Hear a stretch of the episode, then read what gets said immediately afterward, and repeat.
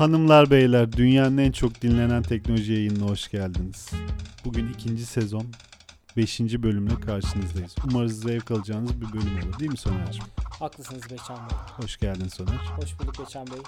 Dilek Hanım Merhabalar. güzelliğinizle arıza endam ediyorsunuz karşımızda. Çok hoş teşekkür geldiniz. ederim. Çok teşekkür ederim. Hoş rica bulduk. ederim, rica ederim.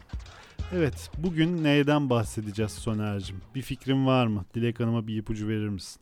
Bugün yapay zekanın yapı taşından, Stone Age'inden bahsedeceğiz. Stone Age. Stone Age. Kimmiş? Neymiş? Yapay zeka deyince aklımıza kim gelir mi? Kim gelir? Yapay zeka deyince geliyor. Aklınıza kim geliyor? Sizin aklınız Bizim aklımıza gelen belli. Sizin aklınıza kim Sizin geliyor? aklınıza ne geliyor çok merak ettim şu anda. İkimizin de farklı şeyler geliyor muhtemelen. Ama evet daha fazla uzamasını engellemek için bu konunun gireyim bari. Yapay zeka denince aklımıza ilk gelen isim Şuraya Soner bir şey koy. drum roll. Aynen. Elbette ki Kim? Kim? Hadi artık söyleyin kim? Alan Turing. Alan Turing mi? Evet. Ne yapmış bu Alan Turing? Kimdir bu Alan, Alan Turing? Turing kimdir? Soner, Soner sen bahsetme. Bahset. erken yaşta başlayıp muhteşem bir biyolog ve orijinalinde matematikçi olan birisi. Erken yaşta Almanların Enigma isimli kriptosunu çözen ekipte bulunuyor. Faydalı e, katkılar sağlıyor. Fakat sonrasında özel hayatında yaşamış olduğu bazı tercihlerinden dolayı bir ceza ile karşı karşıya kalıyor ve genç yaşta 1954 yılında e, siyanürlü bir elma ile intihar ederek hayatına son veriyor. İntihar tabii şaibeler var orada ama genel kanı intihar olduğu yönünde. Ve asıl konumuz ise bu akşam ölümünden 4 sene önce çok önemli bir soru soruyor kendisine. Makineler düşünebilir. Evet bu şekilde de bilgisayar bilimlerinin ve yapay zekanın aslında yapı taşlarını oluşturmuş oluyor diyebiliriz. Kesinlikle. Makale makineler düşünebilir mi diye başlayıp içeride bahsettiği önemli bir konu ise taklit oyunu. Ve bu makale içerisinde Turing test olarak aslında taklit oyunundan bahsediyor. Computing Machinery Intelligence isimli bu makalede Turing nelerden bahsediyor? Birazcık bunu konuşalım istiyoruz bu akşam. Dilek Hanım, bu makale hakkında ne düşünüyorsunuz? Bizi aydınlatır mısınız azıcık? Şimdi bu imitasyon oyununu e, birazdan paylaşacağım nasıl bir şey olduğunu. Zaten birçoğunuz aşinasınızdır. Ama öncelikle makale ile ilgili söylemek istediğim bir şey var. Gerçekten beni çok etkileyen bir şey bu. Ben hep bu tarz makaleleri okumaya biraz korkarım aslında. Çünkü içerisinde çok fazla bilimsel terminoloji barındıracağından, hani böyle zor anlaşılır olacağından endişe ederim. E, fakat Alan Turing'in bu makalesini okuduğum zaman gördüm ki aslında gerçekten adam orada düşünmüş ve düşünmesinin adımlarını teker teker yazmış, felsefe yapmış diyebiliriz bir nevi. Ve bu şekilde gerçekten bilim dünyasına çok büyük katkılarda bulunmuş. Aslında biraz sesli hatta yazılı düşünmüş makale. Bundan ibaret birazcık. Böyle 60 sayfalık mı 45 sayfalık bir makale. Ve bu insana umut veriyor. Niye umut veriyor? Çünkü gerçekten düşünürsek, derinlemesine düşünürsek çok güzel şeylerle karşılaşabileceğimizi, çok güzel şeyler ortaya çıkartabileceğimizi ve tarihe mal olabilme ihtimalimizin olduğunu gösteriyor bence. Bu yüzden benim için çok değerli bir makaledir kendisi. Şimdi imitasyon oyununa geri dönersek eğer bir kere daha hatırlayalım diyorum. Çünkü muhtemelen herkes aslında aşinadır. Herkes biliyordur aslında ama siz gene de bir hatırlatın. Şimdi şöyle bir şey var aslında herkes az çok biliyor da bunun detayları karışabiliyor zaman zaman. Normalde bu çok eskiden beri oynana gelen, eğlencelerde oynana gelen bir oyundan devşirilmiş bir imitasyon oyunu. Orijinali şöyle bir tane oyuncu var bir odada jüri diyelim buna karar verici kişi. İki farklı odada da iki farklı insan var. Bir tanesi kadın bir tanesi erkek. Erkek olan her zaman yalan söylüyor ve kendisini kadın olduğuna inandırmaya çalışıyor jüriyi. Kadın olan da her zaman doğruyu söylüyor. Ve jüri de bunların hangisinin doğru söylediğini bulup hangisinin kadın hangisinin erkek olduğunu tespit etmeye çalışıyor. Ayırt etmeye çalışıyor. Ama Ayırt burada sadece yazılı iletişim var. Aynen Görsel öyle. ve sesli bir Tabii iletişim. ki sesten ayırt edilebileceği için hatta tercihen yazılı iletişimde daktilo veya bilgisayar üzerinden olması tercih ediliyor ki el yazısı da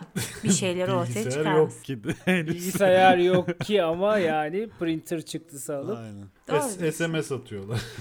SMS atıyor olabilirler. WhatsApp'tan uyudun mu? Yok yani bu bugün de oynanabilir. Bugün oynarsak da o şekilde oynarız diye söyledim. Enteresan bir oyunmuş ya.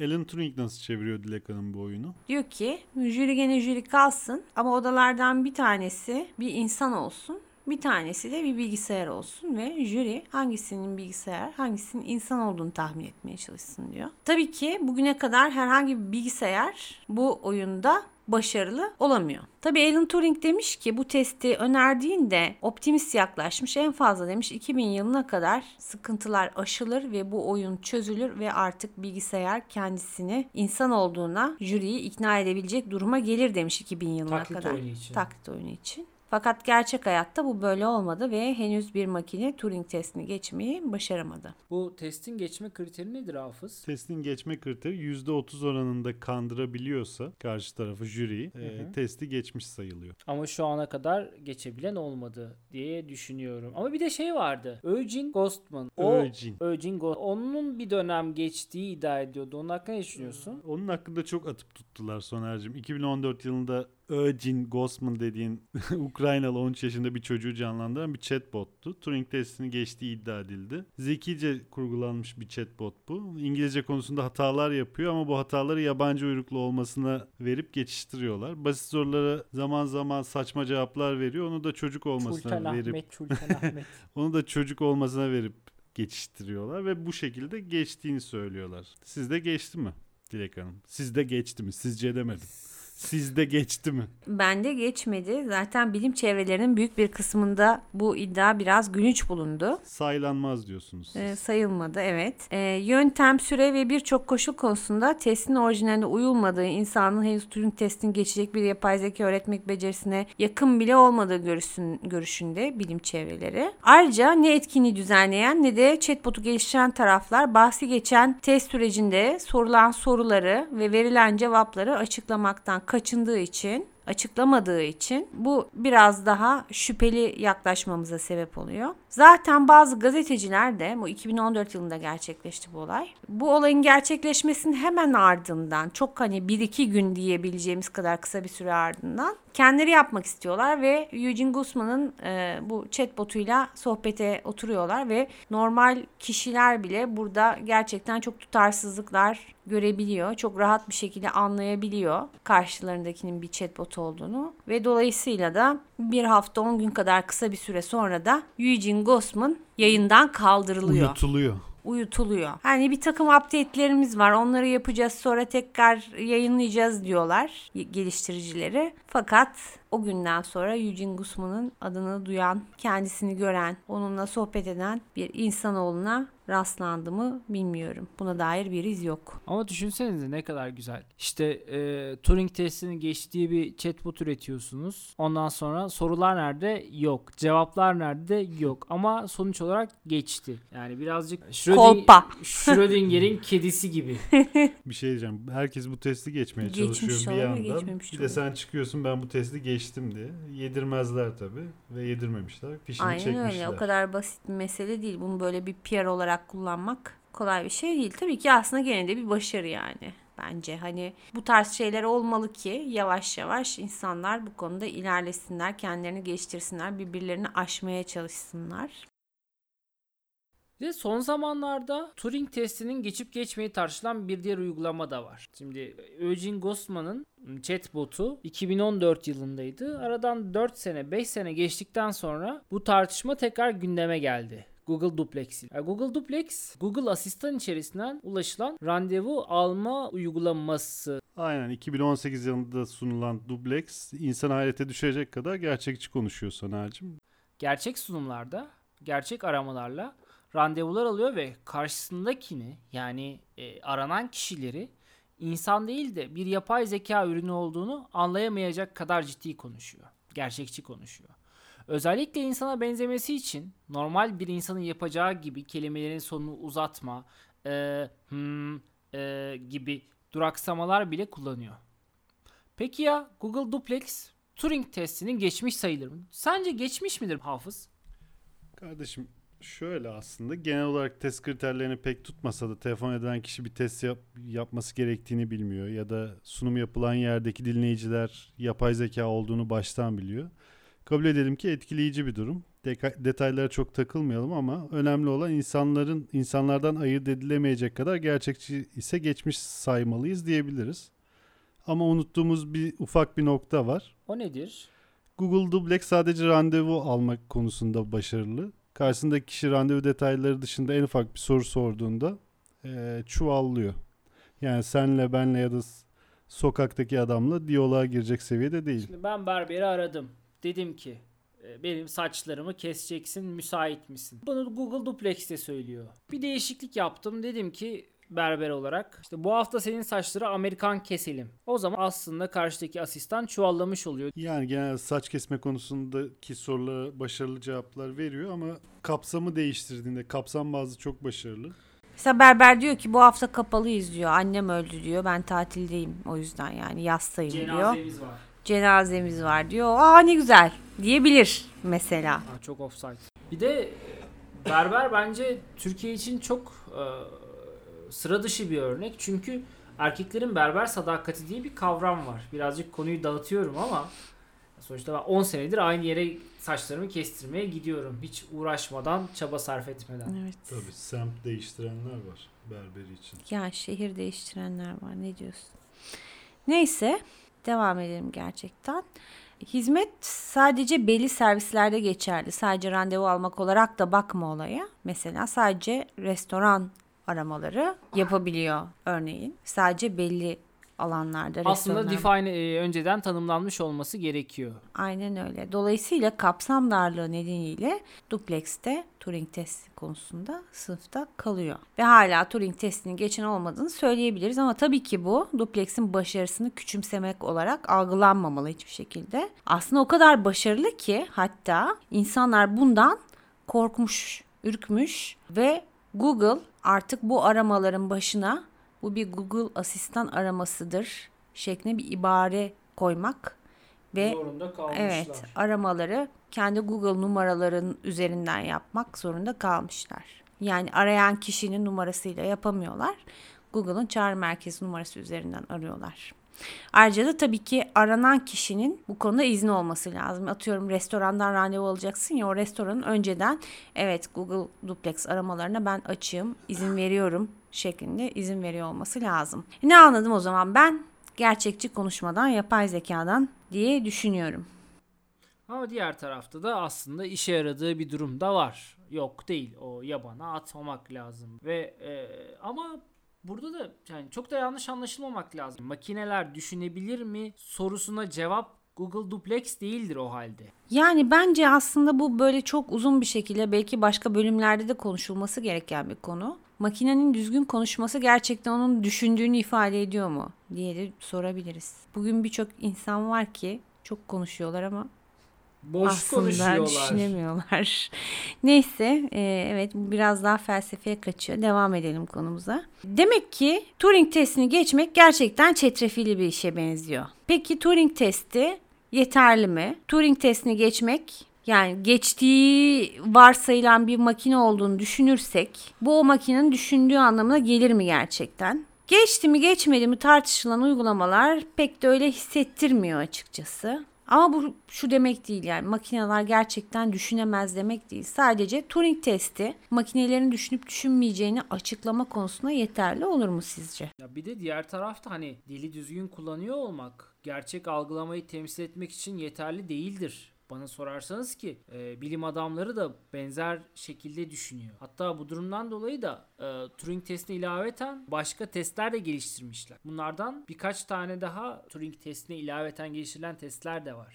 Soner bunlardan en kayda değer olanı Vinograd şemaları. Vinograd şeması testi 2014'te Eugene, Eugene mi diyordun? Eugene Gustman.